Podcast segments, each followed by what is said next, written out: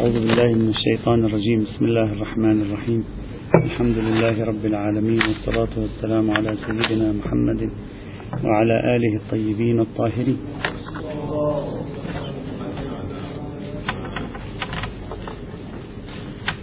ما زال الحديث عن الأدلة أو الأسس التي يمكن أن تدعى لإعطاء الاستقراء في الدراسات الشرعية نوعا من الحجية. الدليل الخامس الذي وصلنا إليه السيرة الإسلامية على استخدام الاستقراء. السيرة الإسلامية على استخدام الاستقراء يمكن أن نعتبرها ليست سوى انعكاس للسيرة العقلائية. ليس عند المسلمين ظاهرة مختلفة عن سائر الملل والنحل يعتمدون فيها على الاستقراء بينما لا نجدها عند سائر الملل والنحل في العالم. لذلك إذا أردنا أن نتكلم عن السيرة الإسلامية في تقديري ليست سوى يعني انعكاس للسيرة العقلائية العامة. البشر اليوم وقبل اليوم يعتمدون في دراساتهم التاريخية في في مجال الإثباتات القضائية في مجال العلوم الإنسانية كلها إلى يومنا هذا يعتمدون على الاستقراءات ويعممون ويتوصلون إلى نتائج من خلال ذلك والمسلمون ليسوا بدعا من الناس بل هم ساروا على منهاج العقلاء فيما آه، سلكوه من سبيل الاستقراء فأخذوا به كما سوف نرى اليوم. لكن على أي حال إنما نضع عنوان السيرة الإسلامية لسبب وهو أنه قد شخص يحاول أن يستدل بالسيرة الإسلامية بصرف النظر عن السيرة العقلائية. ونرى هل هذا الاستدلال صحيح أو لا. هذا أولا. وثانيا لرفع الاستيحاش. نحن المجتمعات المتدينة الجماعات المتدينة تمتاز بخاصيتين.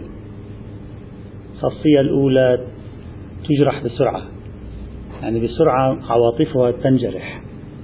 الخاصية الثانية إذا جرحت عواطفها تغضب. إذا جئت لها بضمادات أو بعلاجات موضوعية يمكن الجرح يخف.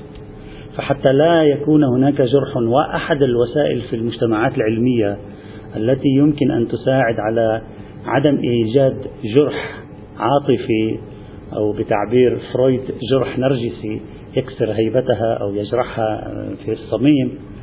واحدة من الطرق التي هي فاعلة استقراء التاريخ. أن تقول لهم في تاريخكم موجود هذا. فإذا قلت لهم في تاريخكم موجود شيء مثل هذا هدأت نفوسهم وارتاحت أعصابهم وصاروا أكثر استقبالا للفكرة. وهذا ثابت بالدليل والوجدان ولا يحتاج إلى إقامة براهين. هذا شيء طبيعي. الإنسان يثق خاصة في المجتمعات المتدينة يثق بتراثه كثيرا يثق بماضيه كثيرا بل يشعر أنه ليس سوى الماضي. هو وجوده هويته هي تراكم هذا الماضي برمته. إذا حذفت هذا الماضي ليس له وجود ليس له هوية. دائما المجتمعات المتدينة لا أقول غير المتدينة ليست كذلك. لكن أركز على المتدينة لأنها أبرز من غيرها في هذا الموضوع. فالسيرة الإسلامية تساعدنا على أن نهدأ ونعرف أن هذا الذي ندعيه من إعمال الاستقراءات في الدراسات الشرعية لا يسبب جرحا ولا يسبب قلقا. ولا يسبب نوع من التوتر في التعامل مع الموضوع. فإذا هدأنا نفسيا صار بإمكاننا أن نتعامل مع الموضوع بأريحية أكثر بهدوء أعصاب ونفكر فيه سلبا أو إيجابا بطريقة أكثر منطقية. هذه فائدة ثانية لعرض السيرة. لذلك دائما عندما تريد أن تبحث في موضوع وإذا كان لديك رأي مخالف للسائد واحدة من الخطوات الأولى أن تقوم بعملية كشف للتراث لكي تثبت أن في التراث عينات من الشيء الذي تريد أنت أن تقوله ولو عينات شبيهة. فإذا عرضته في المرحلة الأولى سهل الأمر نسبيا على أن تطرح نظريتك في المرحلة الثانية. إذا أردنا أن نأتي إلى السيرة الإسلامية في آه، القضايا الاستقرائية فسنجد عينات كثيرة جدا. أولا الصعيد اللغوي الدراسات المعجمية المفردات الدراسات النحوية. الدراسات الصرفية والبلاغية التي اعتمد عليها علماء الإسلام أيضا من فقهاء من محدثين من مفسرين من أصوليين إلى آخره. جملة هذه الدراسات أصلا قائمة على الاستقراءات وأكثرها قائمة على الاستقراءات الناقصة. وهذا يعني أن التراث الإسلامي انفتح على على اللغة انفتح على اللغة من زاوية الاستقراءات أكثر مما انفتح عليها من أي زاوية أخرى. ومن المستحيل أن تعثر في اللغة. يكاد يكون من المستحيل أن تعثر في اللغة على استقراءات تامة. والشيء الألطف أن علماء النحو والصرف والبلاغة والمعجميات كلهم يقرون بأن القواعد اللغوية التي قدموها لها استثناءات وتخصيصات. ومع ذلك حافظوا على توصيفها بأنها قاعدة. ولا يجوز الابتداء بالنكرة ما لم تفد كعند زيد النمرة. 36 استثناء لعدم جواز الابتداء بالنكرة كما أحصاها بعض بعض أحصتها بعض الكتب المطولة في النحو. ومع ذلك قالوا القاعدة تقول لا يجوز الابتداء بالنكرة ما لم تفد كعند زيد النمرة كما كما درسنا في الألفية. صحيح؟ لم يشعروا بأن الاستثناءات اللغوية تخرم قواعدهم المستقرأة. هذه نقطة مهمة. حافظوا على كونها قاعدة. واعتبروا أنها الأصل الذي يعمل به ولو كان هناك استثناءات. وميزوا بين الأصل والاستثناءات. ولم يشعروا أن وجود الاستثناءات يفضي إلى عدم إمكان تكوين قواعد نحوية ولا إلى عدم إمكان تكوين قواعد صرفية ولا عدم إلى عدم إمكان تكوين قواعد بلاغية وما شابه ذلك. الأصفهاني في في كتاب هداية المسترشدين الأصفهاني صاحب الهداية الأصفهانية كثيرة في الأصول. نعم الشيخ محمد تقي إصفهاني صاحب كتاب هداية المسترشدين في بحثه حول علامات الحقيقة والمجاز يقدم فكرة جوهرية ولطيفة جدا فيما بعد بدأت تتلاشى في كتابات الأصوليين. نحن في علامات الحقيقة والمجاز تبادر وصحة الحمل وعدم صحة السلب والاضطراد. هذه الثلاثة التي غالبا ما ندرسها في أصول الفقه المتأخر منذ صاحب الكفاية إلى اليوم. لكن صاحب هداية المسترشدين ومن كانوا في فترته كان لديهم طريقة أخرى إضافية. يقول ثالث الطرق لعلائم الحقيقة والمجاز الاستقراء قل أستقرئ. وهو تتبع موارد الاستعمالات كما في استنباط الأوضاع النوعية والقواعد الكلية الوضعية كأوضاع المشتقات. وما قرروه من رفع الفاعل ونصب المفعول ونحوها. فإن تلك الأوضاع والقواعد إنما تستنبط من تتبع الموارد. بتجيب لك أنت 10 20 مورد. بتعرف أن الفاعل مرفوع عند العرب. بتجيب 10 20 30 مورد. بتعرف أن صيغة فاعل تدل على من صدر منه الفعل. جيب 30 40 مورد. تعرف أن صيغة مثلا مفعول هي كذا. مثلا والطريق إلى معرفتها منحصر في ذلك في الغالب غالبا هكذا. وعليه جرت طريقة علماء الأدب في معرفة ما قرروه من قواعد العربية وما بينوه من الأوضاع الكلية. هذا في الأوضاع الكلية. يقول حتى في الأوضاع الشخصية الأمر كذلك. يقول وأما الأوضاع الشخصية فيمكن استفادتها من ذلك أيضا. بملاحظة موارد إطلاقات اللفظ وإطلاقه على جزئيات ما وضع له لو كان كليا ونحو ذلك. افرض المفردات وأمثالها. كما احتجوا به في إثبات الحقائق الشرعية. أنت الحقيقة الشرعية كيف تثبتها؟ الحقيقة الشرعية الحقيقة المتشرعية. إذا سألتك أنا الآن سؤال بالله عليك كيف تثبت الحقيقة الشرعية والحقيقة المتشرعية؟ غير تستقرئ. تجيب لك 20 30 مورد. شو رح تستقرئ؟ استقراءات تامة.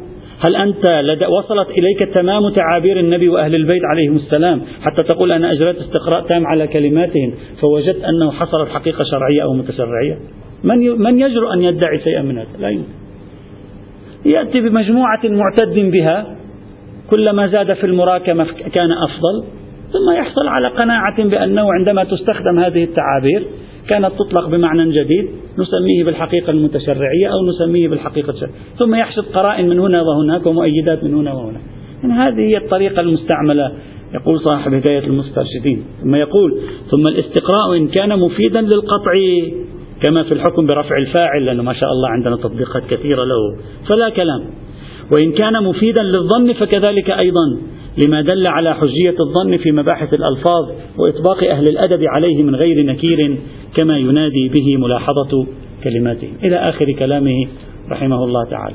ما معنى هذا الكلام؟ معنى هذا الكلام أنك في كل هذا التراث الأدبي واللغوي الذي تحمله على أساسه تفهم الكتاب والسنة في جزء منه عندك استقراءات تكاد تكون شبه تامة. لكن في جزء كبير منه أنت لا, لا تحصل الوثوق عادة الاطمئنان عادة الظن القوي عادة اليقين عادة إلا بالاستقراءات والتتبعات الموردية التي تؤدي إلى مراكمة الاحتمال لتحصيل شيء من هذا القبيل. أنت عندك قياس منطقي أعطني قياس منطقي استخدمه معجمي أو أو يستخدم في النحو أو الصرف ويكون معتدا به. إلا إذا أرادوا أن يعللوا ليش يرفع الفاعل وليش ينصب المفعول على طريقة البصريين والكوفيين. ما في أقيسة هنا. عالم الأقيسة يكاد يكون شبه منعدم أمامك أقيسة خارج إطار مفهوم الاستقراء. التفاتة صاحب هداية المسترشدين إلى موضوع الحقيقة الشرعية. التفاتة أنا في تقديري مهمة جدا. بعض العلماء المعاصرين صحيح أنهم كشفوا أن العلماء أخطأوا كثيرا في ادعاء الحقيقة الشرعية والمتشرعية وقعوا في أخطاء يصل بها هو إلى أكثر من عشرين خطأ. وهو السيد محمد باقر السيستاني حفظه الله في الجزء الثاني من كتابه مباني الأصول. كشف عن أخطاء كثيرة وقعوا فيها ادعوا الحقيقة الشرعية أو المتشرعية وليس هناك من شيء من هذا القبيل. وواحد من هذه الأخطاء عدم اطلاعهم على لغة العرب في الجاهلية.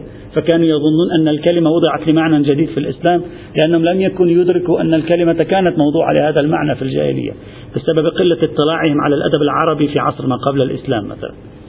صحيح أن هناك أخطاء كبيرة وقعت في ادعاء الحقيقة الشرعية مصداقا هنا أو هناك لكن القاعدة على أي حال هي الاستقراء وليس إلا الاستقراء الذي يمكن أن يساعدنا في هذا الموضوع. لذلك نفس المحقق الإصفهاني ماذا يقول؟ أنا طبعا سآتي بكلمات العلماء هنا ومواقفهم للسبب الذي قلته في البداية. يقول الاستقراء معرفة الحقيقة الشرعية ما هي طرقها؟ يقول الاستقراء. فإن من تتبع موارد استعمالات استعمالات كثير من الألفاظ المستعملة في المعاني الجديدة كالصلاة والزكاة والصوم والحج والوضوء والغسل ونحوها وجد استعمال الشارع لها في تلك المعاني على نحو استعمال الحقائق بحيث يحصل الظن من ملاحظة استعمالاتها بالبناء فيها على النقل. إلى آخر كلامه في هذا إلى أن يقول بل هو الغالب في المعرفة باللغات. وهذا واضح في هذا الإطار هذا فيما يتعلق بالدراسات اللغوية التي في مساحة واسعة تكاد تزيد عن 50% منها لا تعتمد إلا على الاستقراء بل اللطيف أن الوحيد البهبهاني رحمة الله تعالى عليه عندما كان يبحث عن العلاقة بين اللغة والعرف يعني الدلالات اللغوية الأصلية ودلالات العرف ماذا قال؟ قال وأما تقديم اللغة على العرف فلكون الأصل في الوضع هو اللغة والعرف العام أو الاصطلاح لا يقدمان إلا بدليل وهو الاستقراء يعني إذا أردت أن تقدم دلالة عرفية على دلالة لغوية لازم تعطيني استقراءات. أنه حصل نوع من الانصراف في ذهن العرف عن الدلالة اللغوية الأصلية عندما يستعملون الكلمة اليوم. إذا الاستقراء هو المعيار في مثل في مثل هذه وأمثال الاستقراء طبعا. هذا فيما يتعلق بمساحة أولى اهتم بها علماء النقليات.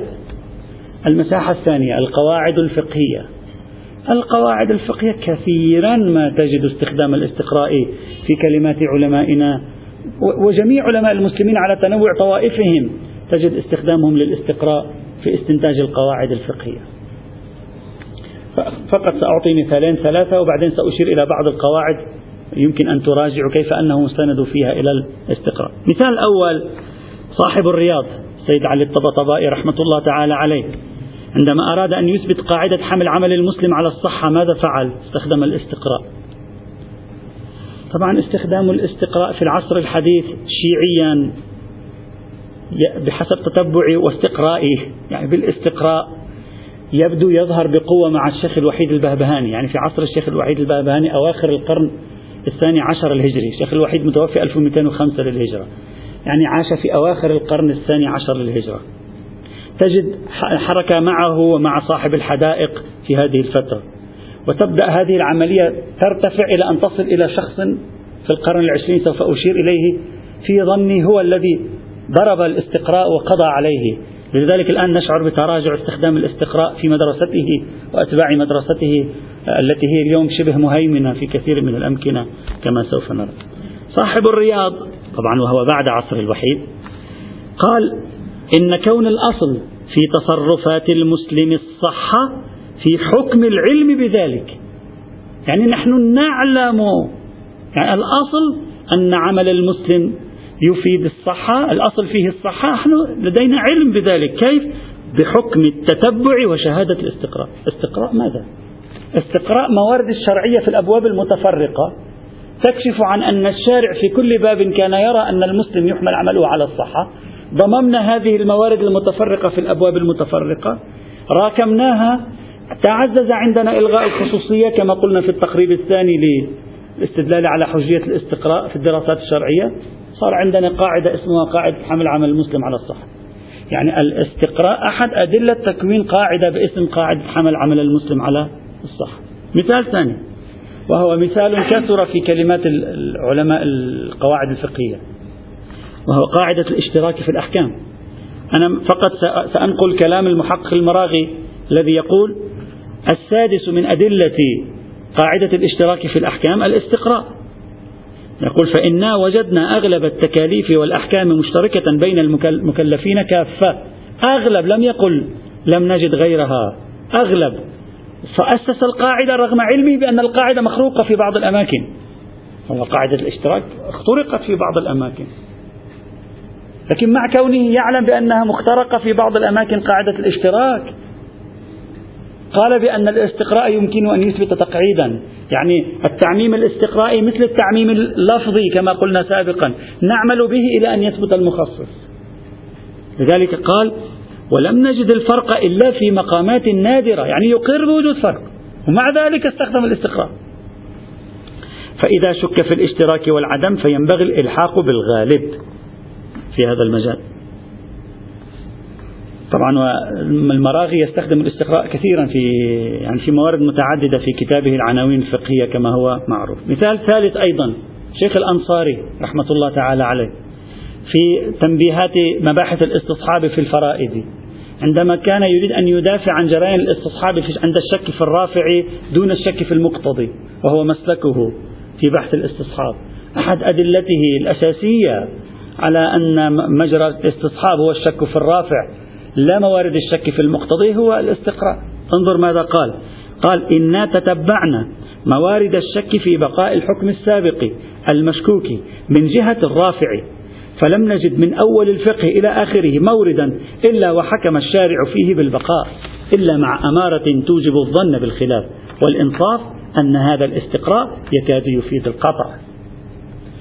تتبع الموارد في الفقه وجد كل مورد في مجرى استصحاب. لقى مجرى الاستصحاب هو الشك في الرافع. مع أن الشريعة الواقعية ليست منكشفة له تماما. حتى يدعي أنه استقرأ الشريعة الواقعية. هو يتعامل مع الشريعة الظاهرية. اكتفى بمن كشف ليتنبأ عن الواقع في القاعدة. أمثلة كثيرة في القواعد الفقهية. بإمكان الإخوة أن يراجعوا قاعدة الفراغ. بإمكان الإخوة أن يراجعوا قاعدة كل ذي عمل كل ذي عمل مؤتمن على عمله. قاعدة كل ما يضمن بصحيحه يضمن بفاسده قاعدة معذورية الجاهل وغيرها من القواعد الفقهية التي تجد عالما هنا أو عالما هناك يثبت القاعدة بالاستقراء. فإذا في باب القواعد الفقهية نحن نجد وفرة في الاستخدامات في استخدام الاستقراء لإثبات القواعد يعني لإثبات التعميم في القاعدة يعني لإثبات قاعدية القاعدة كونها قاعدة. وهذا الذي يهمنا يعني التعميم. بل يوجد نص مهم لا بأس نتوقف عنده. أيضا للمراغي في قاعدة تداخل الأسباب أصالة عدم تداخل الأسباب. عنده نص مهم جدا ولطيف ويفتح نظرنا على طريقة تفكير أمثال هؤلاء العلماء. في القرن الثالث عشر والرابع عشر أكثر في هؤلاء العلماء. نشطوا في استخدام الاستقراء في الثالث عشر والرابع عشر. نشطوا في استخدام عادة مسلك الانسداد يمكن يكون هو أحد أسباب تنشيط الاستقراء. لذلك أنت تجد مثلا مثل السيد الزنجاني كثير التتبع لبناء حكم. لماذا؟ لأن مسالك الانسداد عادة تفرض على الإنسان المراكمة لرفع القوة الاحتمالية ليصل إلى أقصى ذروة ممكنة لها. فربما يكون الانسداديون في ذروة نشاطهم في القرن الثالث عشر. الهجري تركوا أثرا على الفضاء الفقهي نشط استخدام الاستقراء في الدراسات الشرعية. أقول ربما المحقق المراغي في العناوين يقول وأما إنكار الحجية إنكار قاعدة عدم تداخل الأسباب فهو أيضا ممن عرف طريقة فقهائنا لا ينبغي صدوره. لأن تأسيس القواعد المتداولة على ألسنتهم قواعد المتداولة على ألسنة فقهائنا غالبا مبني على تتبع المقامات الخاصة التي قام بها الدليل والتسري منها إلى غيرها. يعني استخدام الاستقراء غالي يدعي أنه غالبا التقعيدات في الفقه مبنية على الاستقراءات. مش في هذا المورد أو ذاك المورد. يقول غالبا. بل هذه الجملة التي هي يعني تثير تثير الانتباه. يقول أنت أنت بناءك أن الفقاهة تروح تقصص لي الاصل في المسألة وبعدين تتبع لي الروايات الخاصة وبعدين تقول لي في تعارض بالروايات الخاصة. هذه ليست الفقاهة هذه أول رتبة عند المحقق المراغي يا بل الفقاهة ما هي؟ يقول الفقاهة هو هذا التتبع الموجب للمراكمات واستخراج الكليات. هذا مثل الشاطبي بذكرنا بالشاطبي صحيح؟ يقول بل لا يعد رجل فقيها. هذا يمكن أن نقول شهادة من المراغي بسلب الاجتهاد عمن لا يسلك مسلكه. بل لا يعد رجل فقيها حتى يعرف مظان الفقه ويتتبع أبوابه. يعني مزاج المزاج التتبعي ليس مزاج أولئك الذين يبحثون في تاريخ الفقه فقط. هذا مزاج الفقيه يجب أن يكون بحسب رأيه. ويطلع على نوع المذهب. ويلاحظ ما لم يرد فيه دليل أو ورد دليل ضعيف يلاحظ مع ما عرفه من طريق الشارع في مواقع أخرى. يجيب المزاج العام للشريعة. من أين بيجيب المزاج العام؟ بالتتبع والاستقراء ومراكمة القوى الاحتمالية في الموارد. حتى يكون على بصيرة من أمره. ولا يكفي في الفقاهة تأسيس مسائل الأصول والغور في البحث عن الأدلة الخاصة التي وردت في كل مسألة مسألة من تعارض وترجيح والكلام في الرد والطرح والحقيقة والمجاز وتعارض الأحوال كأنما يغمز من قناة الأصوليين الذين يتعاملون مع الأصول خطوة خطوة. يقول لا ليس هذا فقط. التتبع واستخراج الأمزجة الكلية والقواعد الكلية من التتبع في الأبواب هذا فن الفقاهة. يقول فإن هذا أي هذه تأسيس الأصل في المسألة وإلى آخره يقول فإن هذا شيء يناله أول من بلغ إلى حد معرفة الدليل والمدلول. شوي مبالغ هو مبالغ شوية يعني فلا بأس. لكن لا أقل يريد أن يمدح في الاستقراء. يقول فإن هذا شيء يناله أول من بلغ إلى حد معرفة الدليل والمدلول وشم رائحة ملكة الاجتهاد في الجملة. يعني هذا بعد ما ذاق الاجتهاد بعد الرائحة مرت مر بجانب المطبخ الاجتهادي. ماذا يريد في هذا النص؟ وهذه فعلا طريقته في العناوين الفقهية. أصلا الذي يتتبع كتاب العناوين الفقهية وهو كتاب في القواعد. الاجتهادية بعضها أصولي وبعضها فقهي. أصلا مزاج الرجل هكذا. إذا الإخوة في يذكرون في العام الماضي في درس الأصول لما بحثنا قاعدة قاعدة نفي السبيل. كيف رأينا مزاج المراغي مزاج تتبعي؟ فهو هذا مزاجه. التتبع لتأسيس قواعد كلية آه، في هذا المجال. إذا موارد اللغة وتأثيراتها على الدراسات الشرعية موارد التقعيدات الفقهية ودور الاستقراء فيها عند العلماء. المورد الثالث الحديث. أصلا الحديث لا أريد أن أتكلم فيه. لأن الحديث يكاد يبدو بديهيا أنه إذا حذفنا الاستقراء من الحديث فلا حديث ولا جرح ولا تعديل ولا علم رجال ولا أسباب نزول ولا ما شابه ذلك. لأن كلها قائمة على الاستقراءات ومراكمة الشواهد والمعطيات للخروج بنتائج ولذلك أحد أساتذة الحديث في القاهرة كان بيني وبينه عمل لفترة طويلة كان يقول مزاج السيد الخوئي ليس جميلا في الدراسات الحديثية كأنه غير متخصص في الحديث. فقلت له لماذا؟ قال لأن الرجل لا يتتبع يعني ما عنده مزاج تتبع. حديث قائم على هذه الخبرة التتبعية لاستنطاق دلالات المصطلحات ومراداتهم وتحولات المعنى من عصر إلى عصر. والسيد الخوئي ليس عنده هذا المزاج فكان يعجبه المامقاني أكثر. وهو يقرأ الخوئي والمامقاني. فيقول مامقاني قريب لأمزجة المحدثين. هذا يعرف هذا له خبرة في الحديث. يتتبع ويذهب يمينا وشمالا وشرقا وغربا ثم يحاول أن يستخرج من خلال هذه الشواهد لأن هذا هو التاريخ أما سيد الأخوة يقول الأصل هو كذا ولم يأتي فيه دليل معاكس. نعمل على مقتضى الأصل نستصحب إلى آخره. يعني في عنده ماكينة خاصة يقوم بحل المشكلات من خلالها. لا أقول سيد الأخوة سيعود لا الآن.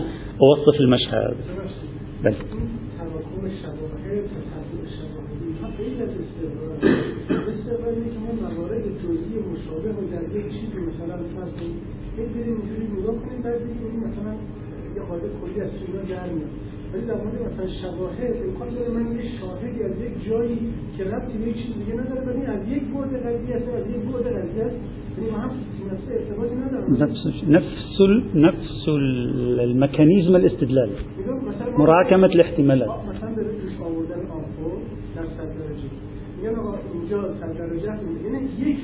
اترك اترك الموارد التجريبية.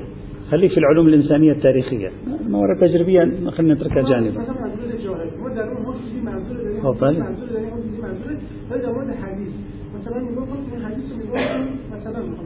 یه شاهدی از یک جا براش پیدا میکنیم و یه شاهدی دیگه از یک جای دیگه براش پیدا موارد مشترک نیستن. آه إذا لم تكن هناك موارد م... إذا لم يكن هناك قاسم مشترك لا ينفعك في شيء في النهاية يوجد قاسم مشترك تريد أنت أن تستخرجه من تتب... مثلا تقول هذه الرواية تدل على الأمر الفلاني بدلالتها الالتزامية. تلك تدل بدلالة المطابقية. هذه تدل من سكوته عن سؤال السائل المت... فتجمع كل هذه الأطراف لتشكل فكرة قد لا تكون منصوصة مطابقة في أي رواية على الإطلاق. ممكن. الميكانيزم واحد. أنا الذي أريد أن, أن نثبته هنا أن هذه العقلية الاستقرائية كانت متداولة لديهم. نريد أن نفتحها على اللغة على القواعد الفقهية الآن على مجالات دراسات الحديث الرجال الجرح التعديل إلى آخره. لنرى أن هذا ما كان عندهم أي عقدة. ولا تجد أي نظام منطقي قياسي آه، في هذا المجال. هذا الفكرة التي نريد أن نثبتها هنا. ادعاء الشخص الآن بعد هذه طبعا عندنا شواهد بعد نحن الآن هذه في المقدمات الكلية. الفكرة المركزية التي أريد أن أدعيها هنا أن مدرسة المتكلمين في أصول الفقه عند أهل السنة والمدرسة الأصولية المتأخرة عند الشيعة شاركت شاركتا في إجهاض الاستقراء والرفع مستوى إعمال الأقيسة المنطقية يعني عملية التفكير القياسي المنطقي شهدت ذروتها عند مدرسة المتكلمين السنية في أصول الفقه لأن أصول الفقه السني في مدرسة المدرسة الكلامية ومدرسة غير الكلامية. المدرسة الكلامية السنية في أصول الفقه والمدرسة الأصولية المتأخرة عند الشيعة. يعني خلال القرنين الأخيرين. الأصولية لا, لا, لا في الدراسات الفقهية في الأصول. في الكتابات الأصولية. مثلا لاحظوا معي كيف أن علم الأصول خلال 200 سنة الأخيرة كيف يتعامل مع اللغة؟ هل وجدت في يوم مباحث الألفاظ في أصول الفقه تتبعات واستقراءات؟ قليل ما تجد شخص. تحليل تفكيك للغة. عندما نريد أن نعرف أن صيغة الأمر تدل على الوجوب هل وجدت أحدا يذهب يتقرأ كلام العرب؟ أو استخدامات الشريعة للجملة ثم يقارن مجموع هذه الاستخدامات ليرى أن منهج المتكلم ما هو إفادة الوجوب أو لا؟ لا. يقول لك إما بالوضع. ويكفيه في الوضع ادعاء التبادر اللي هو حالة شخصية يسريها إلى السابق. أو بمقدمات الحكمة الإطلاق مقدمات الحكمة خاصة على تقريبات مثل المحقق العراقي شدة الشيء من جنسه بخلاف ضعفه والوجوب من جنس الشيء شدة الطلب من جنسه بخلاف ضعفه. فالضعف يحتاج إلى قرينة فمقتضى مقدمات الحكمة إثبات الوجوب. أو لا هذه أو على مسالك الميرزا النائلي ومدرسته إفادة الجملة للطلب ومع عدم وجود ترخيص يأتي العقل ويحكم بالوجوب. فالوجوب هو عبارة عن مدلول عقلي. هذا هو نهج التعامل مع القضايا اللغوية. في بحث المشتق درسنا في الكفاية مباحث المشتق. وشفنا قديش نحن غرقنا مع الجرجاني مع الشريف الجرجاني في مسألة العلاقة بين الفاعل والمبدأ. وبساطة المشتق وتركيب المشتق. مع عدد الإخوة يذكرون بحث الكفاية المعقد في موضوع المشتق. هذه طرائق الأصوليين المتأخرين. نادرا ما تجد عند الأصوليين المتأخرين واحد يشتغل على مزاج مثل السيد السيستاني يعني يروح يتتبع ويشوف أمزجتهم طرائق التعبير كيف كانت ويجيب. مع أنهم جميعا يقرون أن أغلب استخدامات صيغة الأمر في اللغة في لغة الشريعة استحباب. لا تفيد الوجوب. أغلبها وليس نصفها. لأنك إذا تجمع مجموع استخدامات صيغ الأمر في الكتاب والسنة ثم تقارن نسبة الواجب منها إلى نسبة غير الواجب ستجد نسبة الواجب أقل من 50% رغم أن الأغلبية هي استخدامات غير وجوبية. مع ذلك تجاهلوا كل هذا الواقع الاستقرائي ودخلوا إلى تفكيك البنية اللغوية ولهم في ذلك منهج. هذه المناهج أدت إلى تراجع التفكير الاستقرائي في الدراسات الأصولية. لكن في الفقه ظلوا هنا وهناك كأنما يشعرون بعفويتهم بالحاجة إلى استخدام الاستقراء.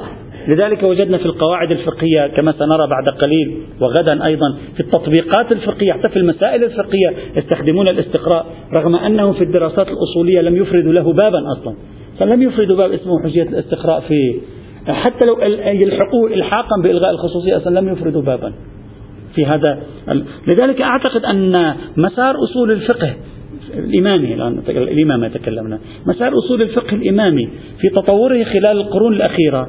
كان منفصل بعض الشيء عن مسار تطبيقات القواعد الفقهية واللغة والفقه نفسه أيضا. المسار كان مف... ذاك مسار يستخدم التجزئة والتحليل أقرب إلى التفكير القياسي المنطقي وهذا مسار كان جزء منه ليس كله جزء منه كان يهتم بالمجال الاستقرائي أكثر في هذا. قليلون هم الأصوليون الذين أقحموا الاستقراء في أصول الفقه في الوسط في وسطنا المتأخر. مثل السيد محمد باقر الصدر أقحمه في الإجماع أقحمه في التواتر أقحمه في الشهرة إلى آخره. مثل السيد السيستاني أقحمه في مباحث تعارض الأخبار أقحمه في غير مورد من الموارد الأصولية أيضا. فالمزاجه العام هو مزاج تتبعي استقرائي يعني يخرج بالنتائج من خلال آه، رصد تاريخي أكثر مما يخرج بالنتائج من خلال تحليل ذهني لشخص جالس في بيته ولا يذهب يتتبع التاريخ. لا ليس كذلك آه، منهج السيد السيستاني. ولذلك تجد أن الإخباريين اللي دائما نحن ندعي يعني المدرسة الأصولية دائما تدعي أنها يعني متقدمة على الإخباريين الإخباريون أكثر قربا من المزاج الاستقرائي. وأكثر رغبة في التتبع ومراكمة قوى الاحتمال للوصول إلى قواعد أكثر من الأصوليين المتأخرين لا المتقدمين المتأخرين ولذلك بني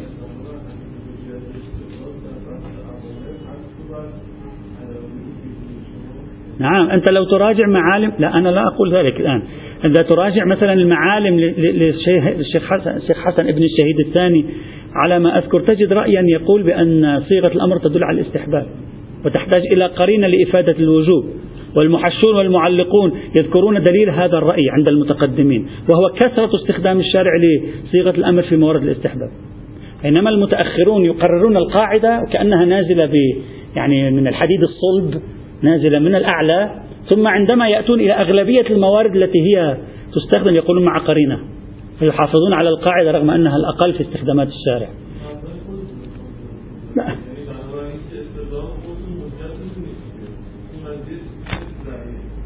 لا هذا مورد في صيغة الأمر لا نبحث فيه الآن مورد في صيغة الأمر. وعليه لماذا لا تكون يعني لماذا لا يدخل المزاج الاستقرائي في الدراسات الشرعية؟ يعني ما دام هذا الفضاء موجودا لماذا لا يدخل المزاج الاستقرائي في الدراسة مثلا إذا أنا شفت في كل الموارد تتبعت أن الشارع في أي مكان كانت عنده فرصة كان يأمر بعتق رقبة. لماذا لا أستطيع أن أخذ مقصد كلي؟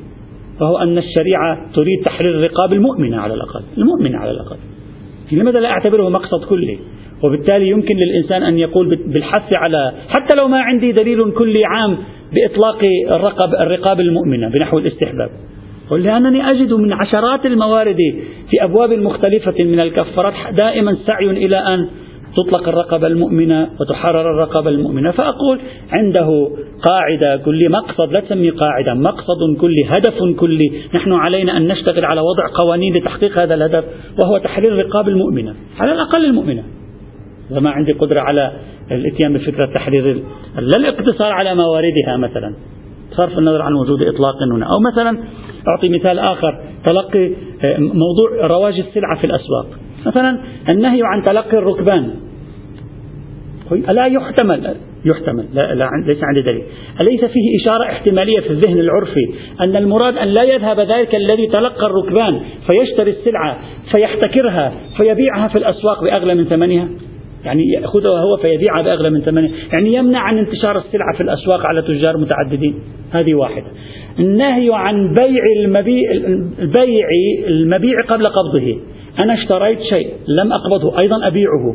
قبل أن أقبضه هو أيضا اشترى مني. قبل أن يقبضه يبيعه. قبل أن يقبضه. لماذا هذا النهي عن المبيع؟ عن البيع المبيع قبل قبضه؟ أيضا يوجد احتمال أن يكون المراد منه. لأنك إذا بعته قبل قبضه تحركت البيوع في الأسواق ولم تتحرك السلعة. يعني هذا معنى عدم رواج السلعة في الأسواق. وهذا مؤدي إلى ارتفاع الأسعار. وهذا أيضا احتمال ثاني يتراكم مع الاحتمال الأول في أن مراد الشارع من وراء هذه التشريعات الجزئية هو أنه يريد رواج السلعة في الأسواق بما يؤدي قهرا بقانون العرض والطلب إلى أن لا تكون هناك غلاء في الأسعار. يعني هو يصب كل هذه التشريعات لكي يحقق مقصدا واحدا وهو تداول السلع في الأسواق وعدم احتجابها وبالتالي الرغبة في أن يكون سعرها معقولا لا مرتفعا نتيجة عامل ما. مثال ثالث النهي عن الاحتكار في الموارد الخمسة أو الستة المنصوصة. هذا أيضا ضيفه. فلماذا لا أستطيع من خلال تجميع قرائن من هذا القبيل إذا بلغت بها قدرا معتدا به؟ لماذا لا يحصل للفقيه حينئذ إمكانية أن يعمم آه، ليخرج بنتيجة؟ لماذا في كل الموارد في اللغة في, في, في العلوم الأخرى أنا أشعر بإمكان الوصول إلى وثوق لكن إذا جئت إلى الدراسات الفقهية كأنما شيء يمنعني من أن يحصل على وثوق لماذا؟ أشعر بالشلل أشعر بعدم القدرة على تحصيل الوثوق إذا ركمت عشر خمسة عشر موردا. بينما نفس هذه الموارد الخمسة عشر إذا ذهبت إلى مجال آخر خارج الإطار الفقهي أشعر بالإمكانية ما هي مراكمة احتمالات هل ثمة شيء يعيقني؟ أو هو أصل الاستقراء لا يعطي شيئا هنا في قوته الاحتمالية. تقديري الشخصي إذا أردت أن أرصد تاريخيا تقديري الشخصي الإخباريون ساعدوا على إعادة تعزيز الاستقراء في الدراسات الشرعية. تلقى ذلك الانسداديون أيضا. نظرياتهم تساعد على تكريس الاستقراء تطبيقا. استخدمه تأثر به العلماء في القرن الثالث عشر والرابع عشر. وفي تقديري ربما ربما مجرد تحليل تاريخي ربما يكون السيد الخوئي هو الذي سدد ضرب الاستقراءات في الفقه. إذ ما تجده في مكان يذكر الاستقراء الناقص إلا ويقول حجة لا يفيد إلا الظن ولا يقبل به البتة. آه، لذلك كل تلامذة مدرسته الآن مثلا لا تجد الاستقراء حضورا عندهم. بينما هذا المزاج ربما لا تجده عند تيارات أخرى مثلا مستقاة من مدارس أخرى كالسيد البروجردي وغيره. وطبعا أغلبية الحوزة متأثرة بمدرسة السيد الخوي الآن. لذلك تجد الاستقراء في كل مورد لاحظ وراجع لا أريد أن أستقصي. راجع السيد الخوي في كل مورد يجد أمامه استدلالا بالاستقراء يقول وهذا الاستقراء لا تمامه ليس بثابت والناقص منه ليس بحجة. في في مختلف الموارد. وتلامذته مثل سيد السبزواري أيضا تجد عنده شيء من هذا القبيل. يعني الأشخاص الذين في فضاء مدرسة السيد الخوي تجد عندهم شيء من هذا القبيل. لا يكاد مثلا يقبلون. أقول لعل هذا التحفظ الخوئي ساعد في يعني أو ساهم في تراجع هذا النمو الاستقرائي الذي كان آه، موجودا في الدراسات الفقهية في الأصولية تجمد في الأصولية تجمد قبل ذلك. لكن في الدراسات الفقهية آه، ربما يكون السيد الخوئي أول من لعب ذلك أو هو أحد الذين لعبوا دورا في هذا الموضوع. لأختم هذا الاستدلال. طبعا بعدين سنناقش هذا الاستدلال. لأختم هذا الاستدلال سأذكر سنقول أيضا أن الفقهاء في موارد لا هي تقعيدات فقهية حتى مسائل فقهية استخدموا الاستقراء في إثبات أحكام فقهية. مثلا صاحب الرياض عندما أراد أن يثبت أن النفساء أحكامه أحكام الحائض وآدابها آداب الحائض. أليس في الفقه عندنا فتوى؟ ما الأحكام الثابتة للحائض تثبت للنفساء؟ الأحكام الأحكام الأحكام يعني آه، حرمة الواطئ آه، حرمة الدخول للمسجد هذا الذي أقصد من الأحكام. صاحب الرياض واحد من الأدلة الأساسية التي يقولها شهادة الاستقراء باتحاد حكمهما في الأغلب إلا ما شذ. يصرح بإلا ما شذ واللطيف يصرح بإلا ما شذ يعني ومع ذلك يقول الاستقراء يساعد على تأسيس قاعدة يعني تأسيس مسألة كلية وهي حكم النفساء حكم الحال. لا يجد إحساسا بمشكلة في أن يراكم الشواهد. أحيانا قد لا يستطيع الاستقراء لوحده أن يعطيك حكما. لكن الاستقراء إلى جانب رواية ضعيفة يساعد هو هذا هو نفسه هذا عملية استقرائية. رواية ضعيفة تدل على القاعدة الكلية. مثلا حكم النفساء حكم الحائض. لكن ضعيفة الإسناد مثلا. تضمها إلى شهرة فتوائية. حكم النفساء حكم الحائض. هذا يقوي الاحتمالية تضم إلى استقراء المسألة في الأبواب في الموارد المختلفة. ليس من الضروري كل استقراء لوحده دليلا. لاحظوا معي. ليس من الضروري أن يكون لوحده دليلا. لكن يمكن أن يكون منضما إلى غيره مما يمكن أن يشكل معا دليلا. ولو كان كل واحد منهما أعجز من أن يشكل لوحده دليلا. فلماذا أستبعده حينئذ؟ وأحذفه من الدراسات الأصولية. حتى الميرزا القمي رحمة الله تعالى عليه في آداب التخلي ماذا يقول؟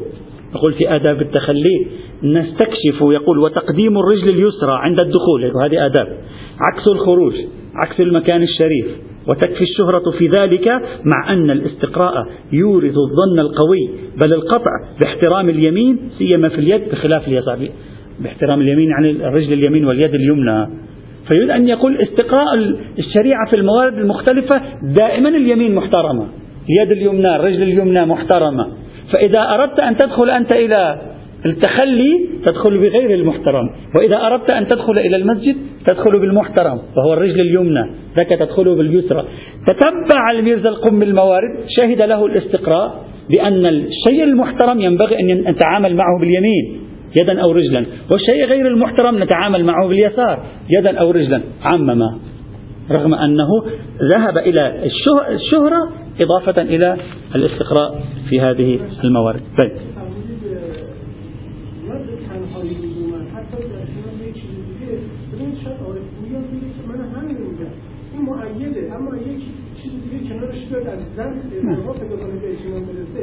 خب بله نحن هذا هو الذي نبحثه لكن نقول حتى لو في بعض الموارد قصر الاستقراء بنفسه هذا النوع من الاستقراء قصر بنفسه؟ السيد الخوي لا يقبل. جيب له السيد الخوي استقراء مع رواية ضعيفة لا يقبل. لا نجيب رواية ضعيفة الإسناد مثلا في دعائم الإسلام مثلا. ورواية أخرى مثلا في نفترض مثلا مرسلة في الكافي على أمر معين. وجيب شهرة فتوائية عند السيد شهرة فتوائية مش إجماع أو تسالم. وجيب استقراء ما يقبل لك السيد الخوي. لأن السيد الخوي يعني عادة يتعامل مع كل دليل منفصلا. وهو صاحب نظرية ضم الحجر إلى جنب الحجر. مش هو صاحب هذه النظرية ضم الحجر إلى جنب الحجر لا يعطي شيئا. وضم الحجر إلى جنب الإنسان لا يغير شيئا. لا في الإنسان ولا في الحجر. هو الذي يكرر هذه العبارة في مصباح الفقاهة وفي غيره. ذهنية السيد الخوئي في مثل هذه الموارد ليست ذهنية استقرائية السيد الخوئي عقله تقعيدي. تقعيدي أكثر من كونه استقرائي عكس تماما سيد السيستاني عكس تماما سيد البرجردي عكس تماما العلامة المامقاني. ليست أمزجتهم هكذا عكس تماما الميرزا القمي صاحب العناوين الفقهية مثلا أيضا. هذه أمزجة وكل واحد له آه، طريقته في أنا لا أقول سيد الخوي أجهز على الاستقراء أقول لعله أحد الذين أخفاه في حياتنا اليوم. لعله أحد الذين وإلا سابقا كنت تجد حضور الاستقراء في كتاباتهم أكثر مما تجد حضوره اليوم في مدرسة مثل السيد الخوي. آه، تكملة خلاصة هذا الدليل مع التعليق عليه. يأتي إن شاء الله تعالى غدا. والحمد لله رب العالمين.